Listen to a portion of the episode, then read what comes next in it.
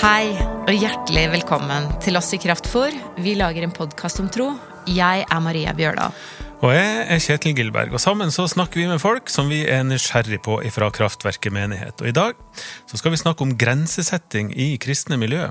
Ja, og da har vi invitert deg, Kristin Gjøvikli. Vi er så glad for at du er her. Ja, takk. Hei. Hei, Kristin. Hjertelig velkommen til oss. Det er stor stas at du er her nå. Ja. Kristin, du har jo vært med i Kraftverket i et par år nå. Du er fra Stavanger, men er veldig glad i Oslo. Blir kanskje boende her eh, til du må bæres ut en dag, eller hva tror du? Vi får se, men eh, ja, det er Oslo som er hjemmet mitt nå. Og så er du anestesisykepleier på Ullevål sykehus, og bor i et kollektiv som jeg tenker burde bli berømt for sitt Year of No. Men det skal vi få høre mer om senere. Vi må jo bli litt bedre kjent med Kristin. Kan du hjelpe oss eh, med det, Kjetil? Ja, jeg vet ikke hvor mye eh, dette hjelper oss å bli kjent med, med det, Kristin, men vi har jo noen dilemmaer til alle som kommer hit. Hvem vil du sitte fast i heisen med? Sylvi Listhaug eller Bjørnar Moxnes?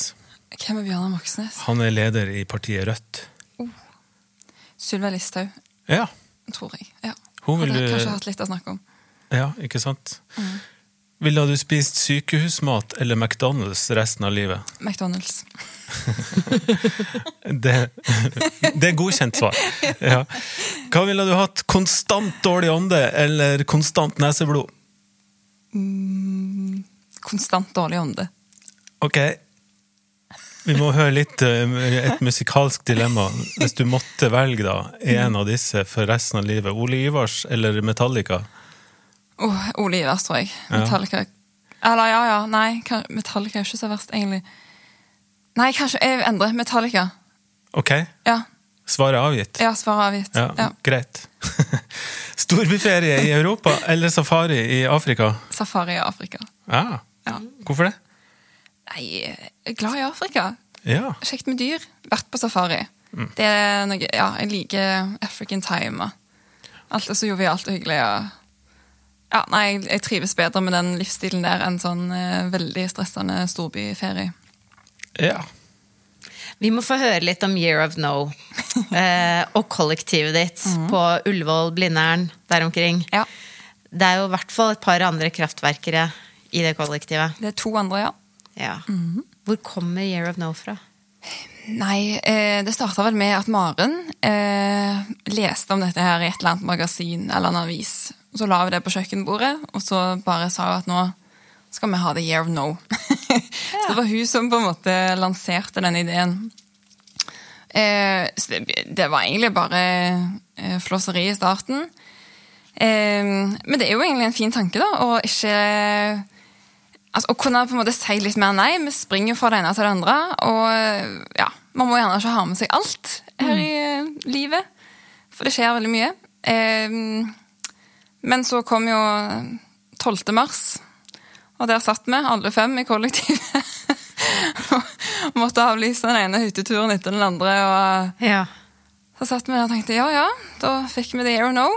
Da var det litt mentalt innstilt, da, kanskje? For så vidt, men jeg tror det slo oss litt hardere enn vi hadde trodd. Eh, og at overgangen kanskje ble litt brå.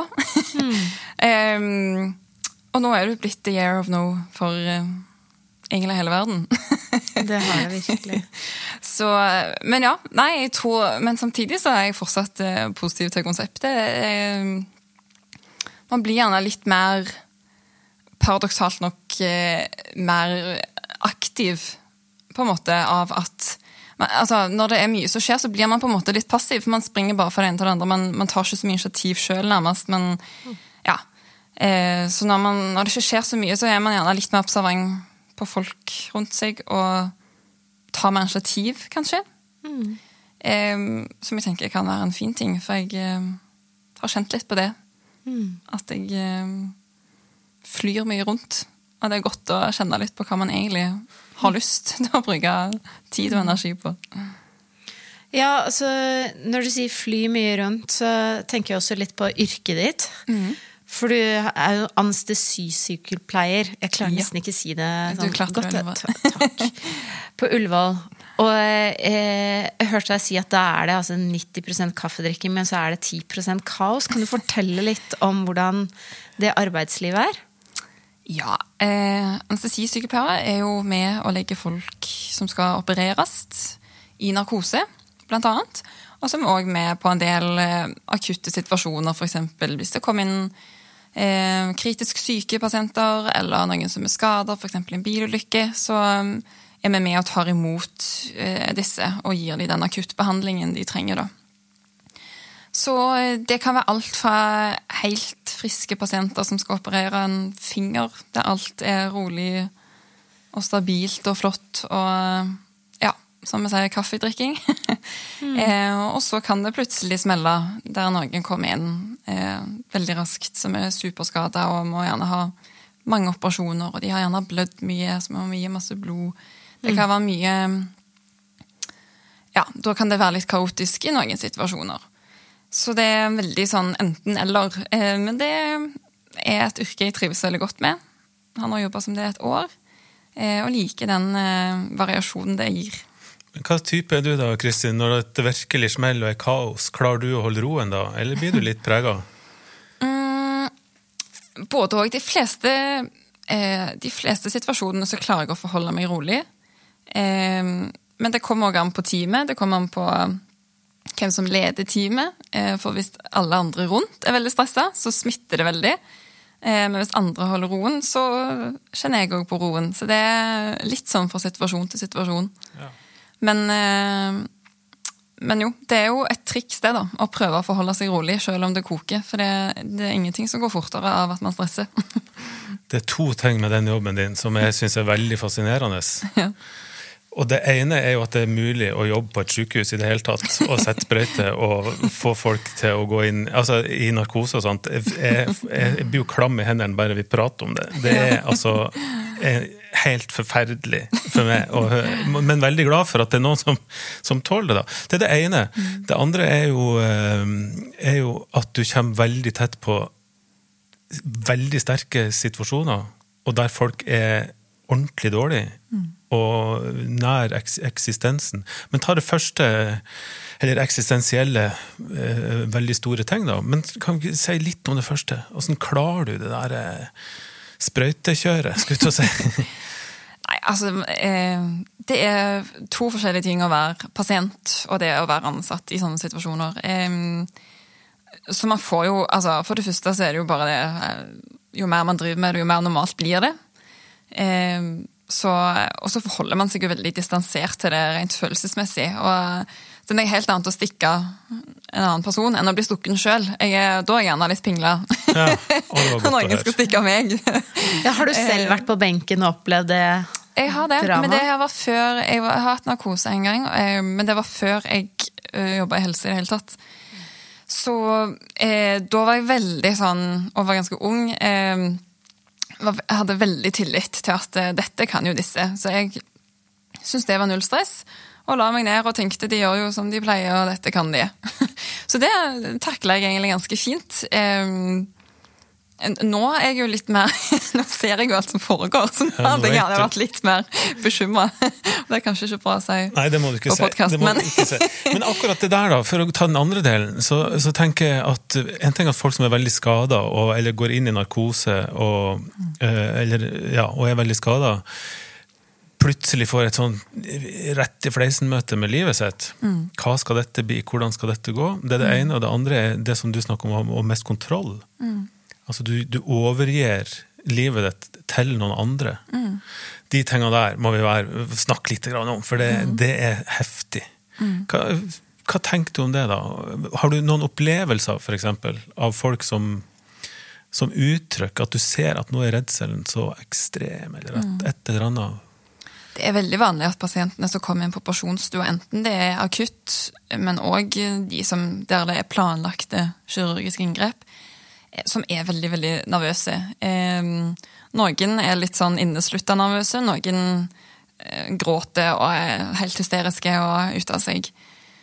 Og det som er interessant å se, er jo gjerne at de som gjerne er veldig tøffe på privaten, som gjerne f.eks. driver med en eller annen form for ekstremsport eller ja, farlige ting ellers, er, gjerne de som òg kanskje blir si, mest pingla når de kommer inn på operasjonsstua.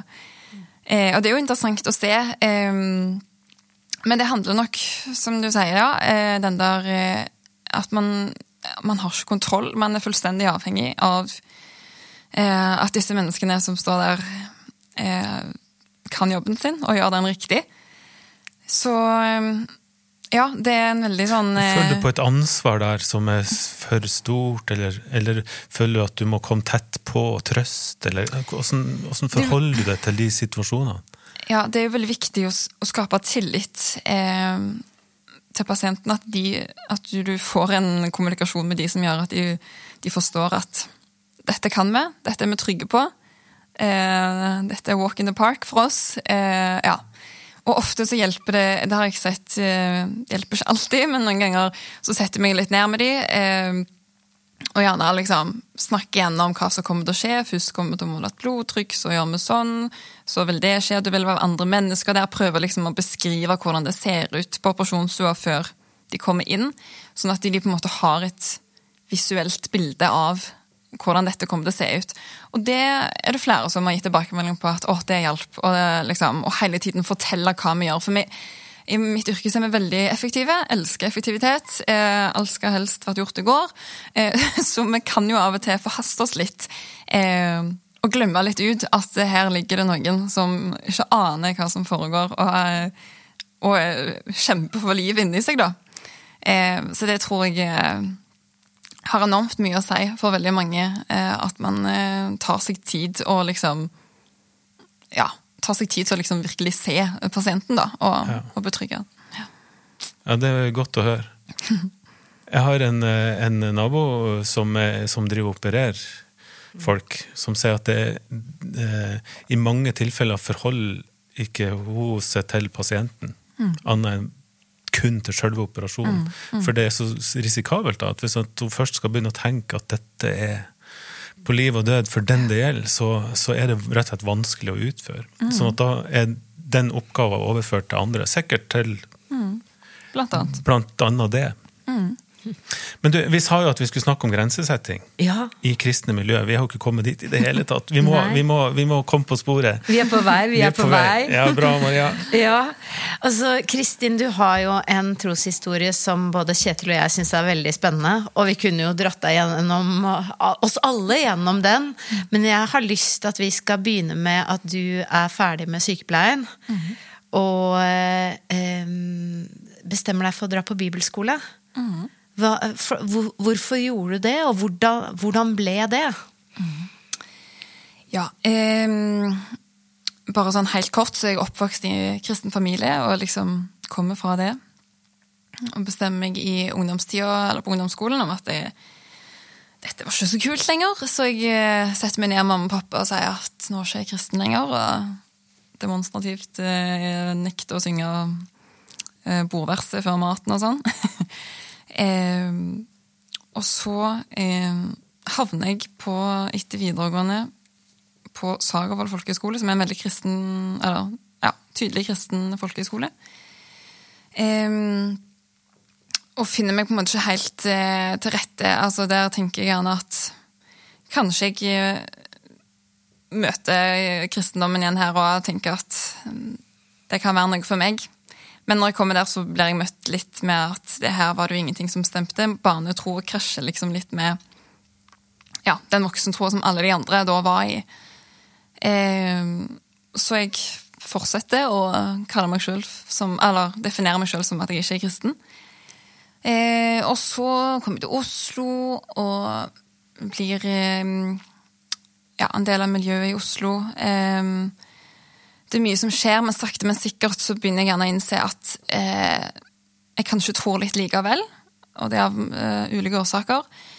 Eh, og da På et tidspunkt så kjenner jeg litt på at ok, nå har jeg på en måte egentlig sagt høyt at jeg er kristen, men hva tror jeg egentlig på, og hva står det egentlig i den bibelen? Og ja, har liksom litt lite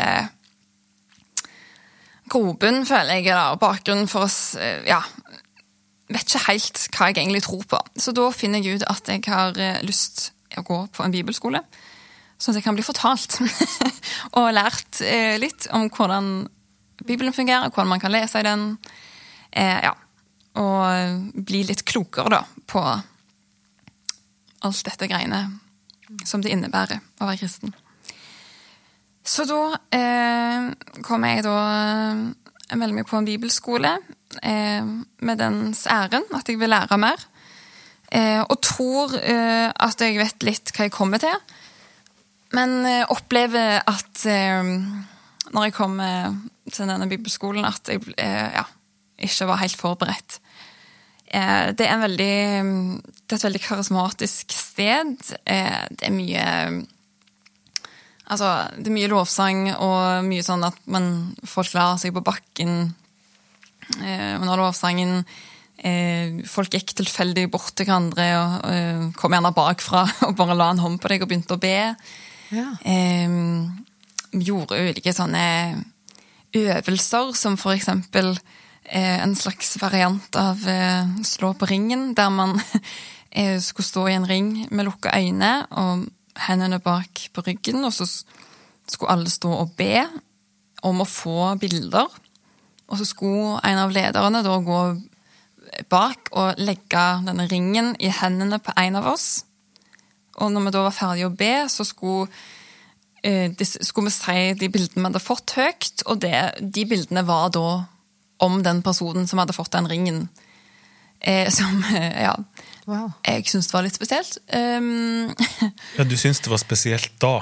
Ja, også. det husker jeg reagerte litt på. Jeg følte liksom ja, Skal vi liksom teste at Gud funker, eller skal vi ja, Som om Gud sitter og følger med. Ja, nå leker de den leken, nå, nå sender jeg noen bilder. Altså, ja, nei, Jeg syns hele konseptet ble litt rart. Ja, hva, det, det, må du si noe om. Var det, var det uh, Tenkte du på motivasjon? Hvorfor gjør vi dette? Ja. Var det for å bevise at Gud fins? Hva var greia? Ja, altså, det var det jeg sto og lurte på. Da. Hvorfor gjør vi dette, hva er hensikten med dette? Og jeg, og jeg, følte jo Jeg vet ikke om det var det, det var nok ikke det som var hensikten. Jeg vet ikke helt hva som var hensikten, men, men ja, jeg følte at vi liksom skulle teste om Gud funker, og at eh, og at det gjorde han, på en måte. Og det var jo litt interessant, for det var jo en del som ble truffet av disse bildene som ble delt høyt. Eh, ja. Sa de lederne noe om hvordan de valgte hvem som skulle få ringen? Altså Nei, det skjønte jeg som at det skulle være helt tilfeldig. Det var bare okay. Åndens ledelse? Ja. Eller noe sånt? Eh, men det forsto jeg ikke helt, for det er jo på en måte noe Men ja, jeg forsto ikke helt eh, connection mellom Gud og, og, hvor den ringen skulle havne. Ja, Om den òg lederen gikk og ba om hvilken person eh, jeg aner ikke. Det, det er mye Hvordan var det når folk kom bakfra og la handa på det og bare begynte å be? Veldig ubehagelig. Jeg likte det ikke i det hele tatt. Um, og syns på en måte det ble verre og verre etter, etter hvert som jeg opplevde mer og mer. Um, så det begynte å bli en sånn ubehagelig Jeg grua meg til det skulle være lovsang, og jeg prøvde liksom å finne et hjørne der jeg liksom hadde kontroll på ja, at det rett og slett ikke kom noen bakfra da, og bare skulle begynne å be for meg.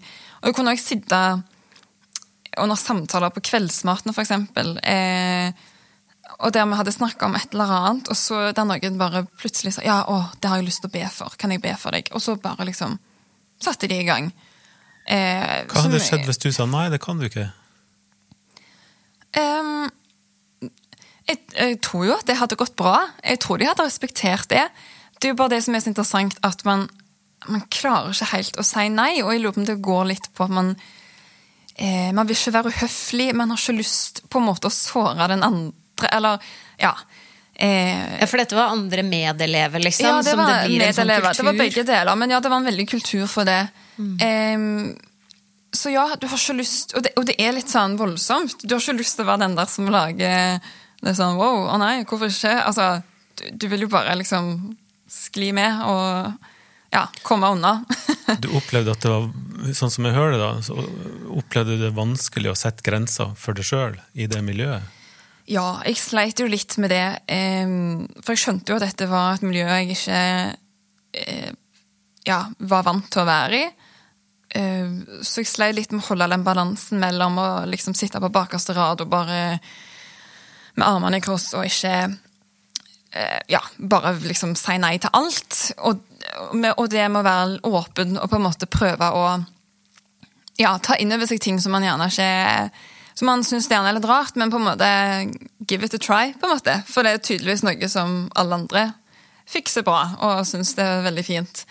Um, så jeg sleit veldig med den balansen der, og det var en veldig utmattende prosess å, å balansere det, da. Den, den, grensesettingen. Og opplevde jo på en måte flere ganger at den ble trukket over, eh, og da trekker man seg tilbake, og så prøver man gjerne litt på ny, og så, ja. En slitsom prosess. Hva var det du savna? Åssen skulle du ønske at det var der? Mm.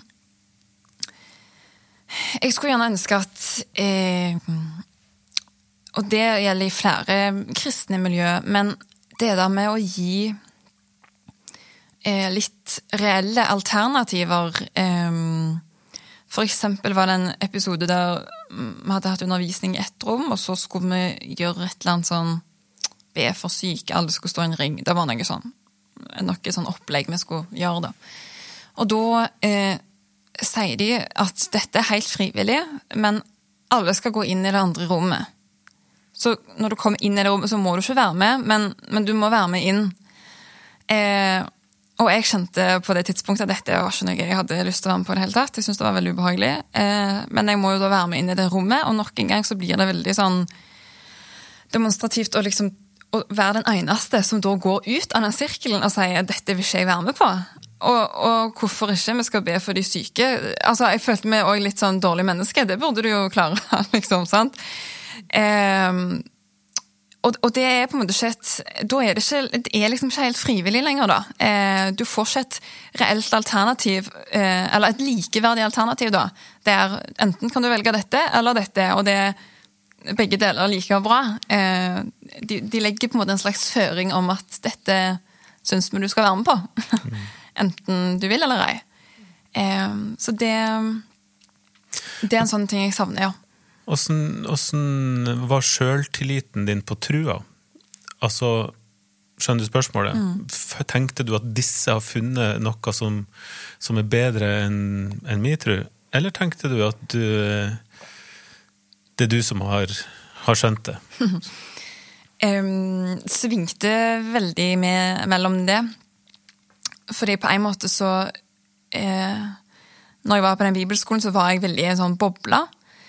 Eh, så alt det jeg så og hørte der, ble jo på en måte litt sånn OK, det, det er gjerne sånn det skal være. Og så følte jeg òg på en del ting, f.eks. det med å be høyt. Aldri vært komfortabel med det. Fortsatt ikke komfortabel med det.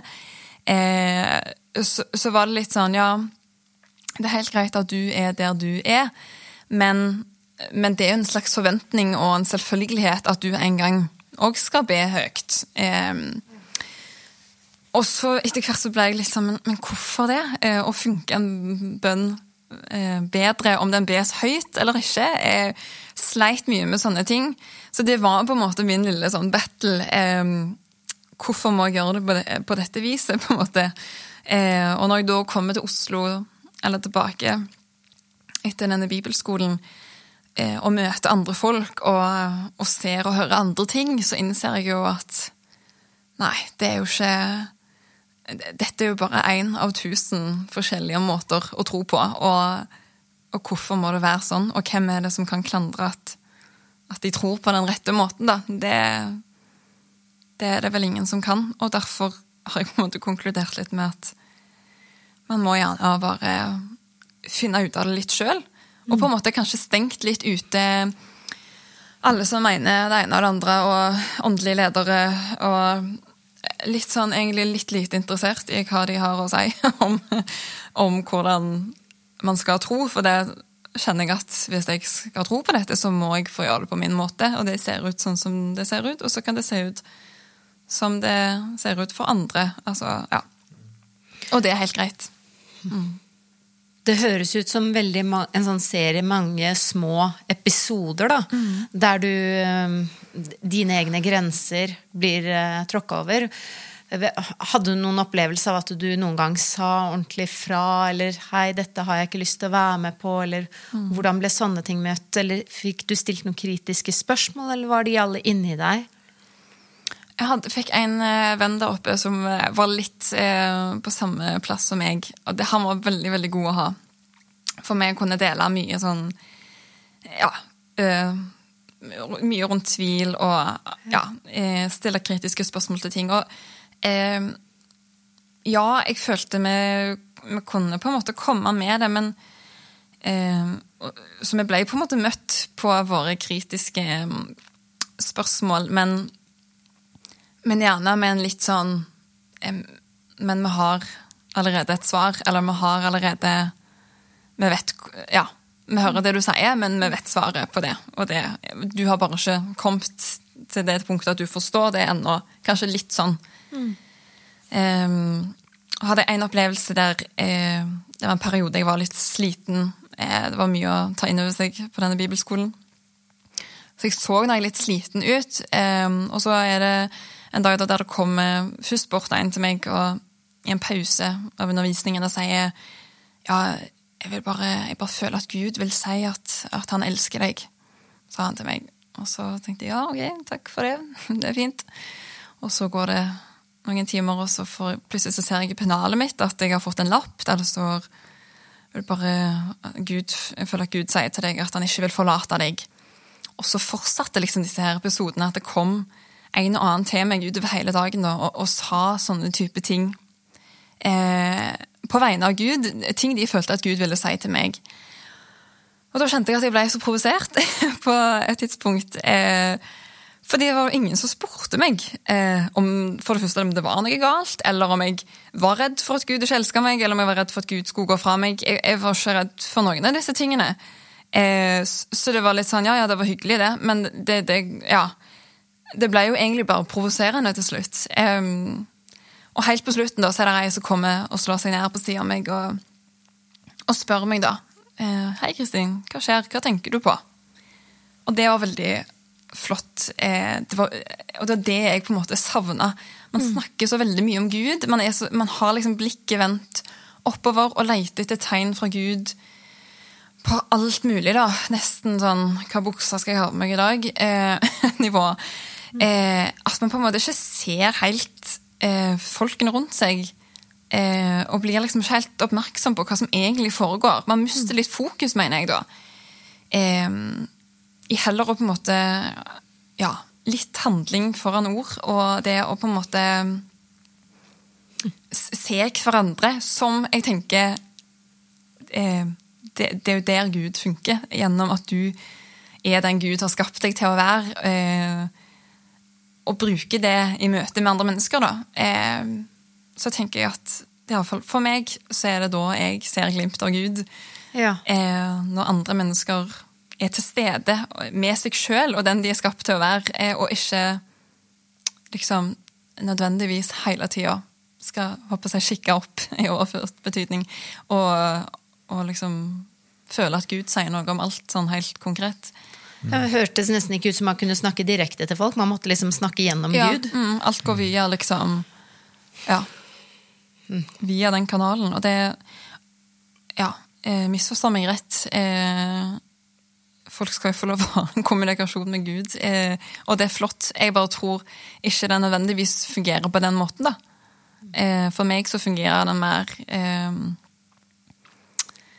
Hva skal jeg si? Helt hverdagslig. med magefølelsen, kanskje, kan jeg av og til føle at at jeg har gått bort til noen, kommet i samtale med noen eh, der det egentlig bare var Jeg vet ikke helt hvorfor jeg satte meg ned med den personen, men magefølelsen bare førte meg der. Og kanskje det bare var Gud. på en måte. Det trenger ikke alltid være Men så trenger man ikke si at Nei, man det er Gud. Si at det, var det kan Gud, bare få være det? Mm. Eller?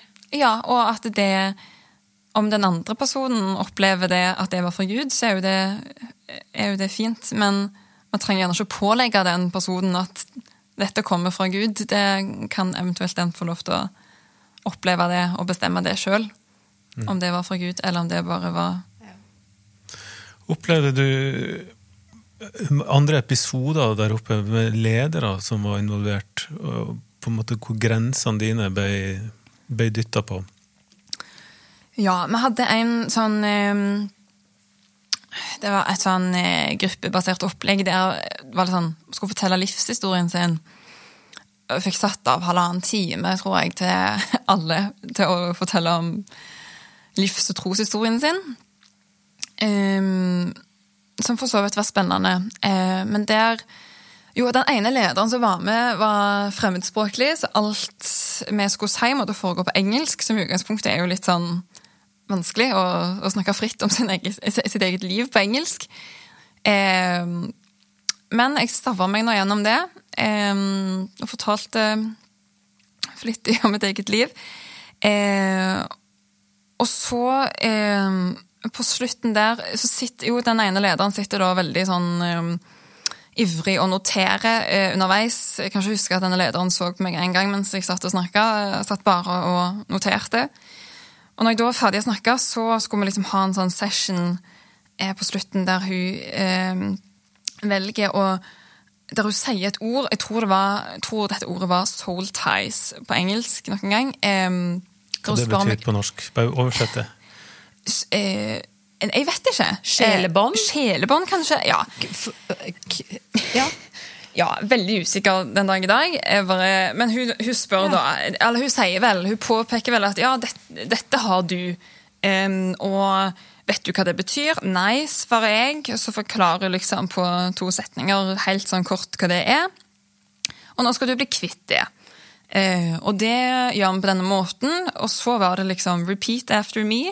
Uh, så skulle jeg si da jeg, Kristin Gjøvikli, har eh, synda sånn og sånn. Jeg har gjort galt med dette og dette og dette. Jeg ber om tilgivelse for dette og dette og dette.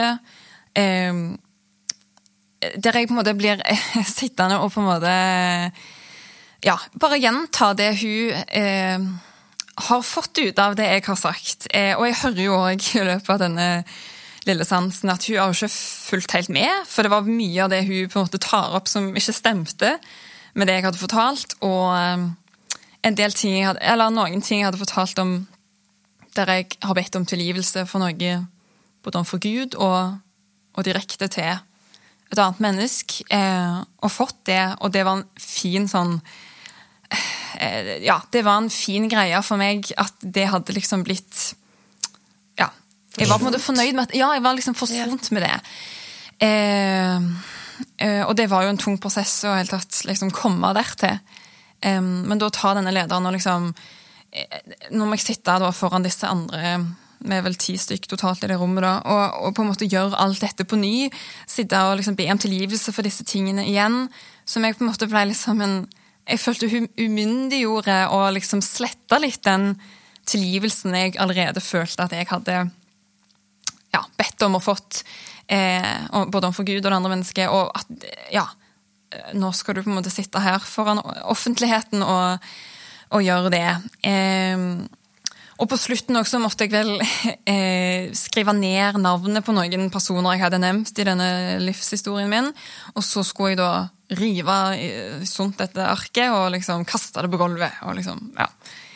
Eh, og da eh, husker jeg at jeg sa at Nei, det har jeg ikke behov for. Da klarte jeg endelig.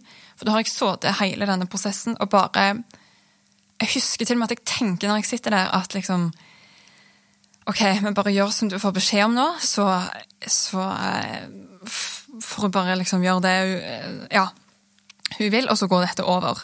Det var liksom det jeg satt og fortalte meg sjøl.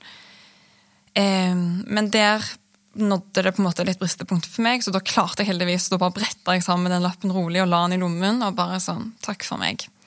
Og da var det pause etterpå. Eh, vi gikk Og jeg var liksom forvirra eh, liksom, på hva jeg egentlig har vært med på nå. Og så går vi opp oppover og skal spise lunsj, eh, og da kommer noen av disse andre som har vært, de andre deltakerne, da, som har vært i rommet og sett på, bort til meg og liksom litt oppriktig ser på meg og spør går det bra. Det der så helt grusomt ut. Og da innser jeg gjerne at ja, det var det jo. Mm. Dette var helt forferdelig. Eh, og alle de gikk til lederen etterpå og sa at den der siste bolken der, den vil ikke vi ha når vi skal fortelle vår livshistorie. Så de slapp unna den. Eh, og det var veldig fint å se. Det ble samtidig litt vondt å se, for ja. det var jo akkurat det jeg hadde trengt, på en måte, og ikke At noen grep inn? Eh, ja, på slutten der. Um, Dette er så vanvittig drøyt å høre, må du vite. Ja. Vi er klarer nesten ikke å sitte rolig i stolene. Det er jo ja. utrolig vondt og provoserende. Ja, det gjør veldig veldig inntrykk. Hvordan, hvordan, hva tenker du om det der i dag?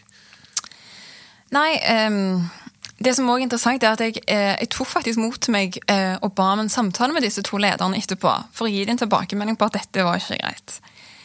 Um, så jeg gjør jo det, setter meg ned med de og sier at det her syns jeg var helt grusomt eh, og helt unødvendig at dere skulle gjøre. Og, og nok en gang, da, jeg, eh, de, liksom, de så jo ikke Alle de andre i rommet hadde jo sett at jeg satt i høyspenn og syntes dette var ukomfortabelt.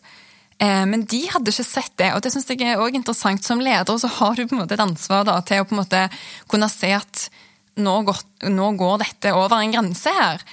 Em, så jeg var litt skuffa over at ikke de hadde på en måte klart å se det og på en måte stoppe eller avrunde dette før.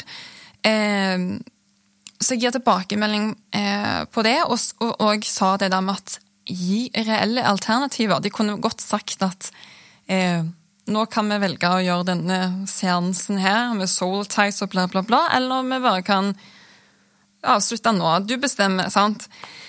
Em, og de liksom, ja, tilsynelatende lytter, men jeg føler på en måte ikke helt allikevel det går inn. Og så avsluttes på en måte denne tilbakemeldingssesjonen min med egentlig det jeg opplever som nesten litt nytt overgrep. For da, da skal de på en måte løse dette med en bønn. Ja, dette må vi be for. Så da er det bare sånn, ja, kan jeg be for deg? Legge hånda på meg og, og begynne å be. Som jeg ikke hadde lyst til i det hele tatt. Men nok en gang jeg får ikke sjansen til å si nei. Og etter den bønnen er ferdig, så, så skulle denne lederen liksom på død og liv velsigne meg, og som ikke jeg helt skjønte forskjellen på ja, hva, hva er forskjellen her, egentlig? På eh, om du har bedt for meg eller velsigna meg. Og da var det sånn Ja, reis deg opp, nå skal vi velsigne deg. Og da tok den ene lederen seg i Å ja, nei, vent litt. Nei, du må ikke stå hvis du ikke vil. Du, du kan godt sitte. Og jeg bare innser at dere forstår ikke eh, eh, hva dere gjør galt. Eh, ja. Bruk et ord her, Kristin. Overgrep.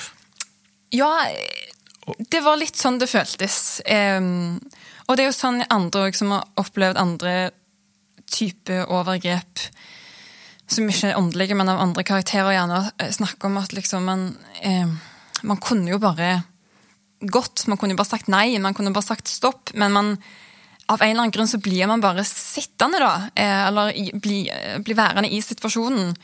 Eh, og det sleit jeg også litt med etterpå, at jeg var litt sint på meg sjøl. For at jeg bare tidlig der reiste meg opp og smelte en stol i veggen og sa at dette er ikke greit. Men ja, man får liksom litt behov for å Eller man, ja, man blir litt fanga, rett og slett, i situasjonen. Så ja, jeg opplevde det rett og slett som et form for åndelig overgrep, eh, der hun både på en måte umyndiggjorde litt min livshistorie og, og mine tilgivelser, og ja, der hun Eller der de liksom holdt meg i en situasjon jeg overhodet ikke trivdes med å være i. Ja, Ja, det det, høres ut som et overgrep. Og den, den følelsen av etterpå da, å tenke at det var min skyld at ikke jeg kom meg derifra, og alle disse tingene her, det Ja. Nei, det er, det er utrolig heftig. Det er Ehm, Jeg tenker som så at det er mange mennesker som opplever noe som ligner, både systematisk gjennom oppveksten og, og sånt. I, altså, eh, eller enkeltopplevelser, og er i denne type miljø. Hva, hva tenker du til de, Hvis det er noen av de som hører på dette her og opplever å være i en sånn situasjon, hva har du lyst til å si til de? Ja, nei eh, Det er jo veldig lett å snakke om det i ettertid, og på avstand. Eh, for, alt er litt sånn grumsete når, man- når man står i situasjonen. Eh, men Nei, jeg tenker at man skal på en måte Man er flink i kristne miljøer liksom overbe overbevise hverandre om ting. Og jeg ble jo Det var jo en del ting jeg òg eh, merka at jeg Altså når jeg kom tilbake fra den bibelskolen, at jeg eh, sa ting som jeg seinere merka at men det mener jeg jo egentlig ikke. At jeg nesten hadde blitt litt sånn Jeg skal ikke si hjernevaska, men, men altså en sånn light versjon av eh, når du er i et miljø der alle bare seg, tenker likt, så, så, så, blir man litt ufrivillig forma av det, da. Så jeg tenker at det, man må bare være tøff og, og vite litt eh, med seg sjøl hva hva man tenker om ting og, og står for, og hva man er villig til å bli med på, å tørre å si nei. Men det er lettere sagt enn gjort. og det kommer an på hva fase man er i livet. Er man liksom ungdom og prøver å finne seg sjøl, så eh, man vet, aner jo ikke eh, hva man eh, tror og ikke tror og mener og ikke mener. Så det er lett å sitte nå i en litt mer voksen alder og på en måte Ja. Men det har jeg jo blitt for meg etter dette, at jeg har nå vet jeg jo mye mer hva jeg tenker, og mener og tror om eh, en del ting. ja, Nå har du jo en veldig myndighet når du snakker selv, ja. og, og eh, syns det er utrolig sterkt å høre deg beskrive hvor eh, hvor eh, overtredelsene skjer, da, og hvor mm. usunne de er. Mm. Ja, ja, jeg vet ikke hva du tenker, Maria, men jeg får i hvert fall behov for å si til alle som måtte høre på dette, at hvis en er i, en, i den type situasjoner, så, så må en vite at det er jo ikke normalt. Mm. Det er ikke sånn det skal være. Og det handler jo ikke om karismatikk eller, eller disse tingene. Det handler jo om å komme ovenfra og ned en veldig skeiv maktbalanse. Det mm. handler om å påberope seg og snakke fra Gud inn i ditt liv her og nå. Mm. Og, og, det kan man jo gjøre, men da må man spørre og gi et reelt valg, akkurat sånn som du sier.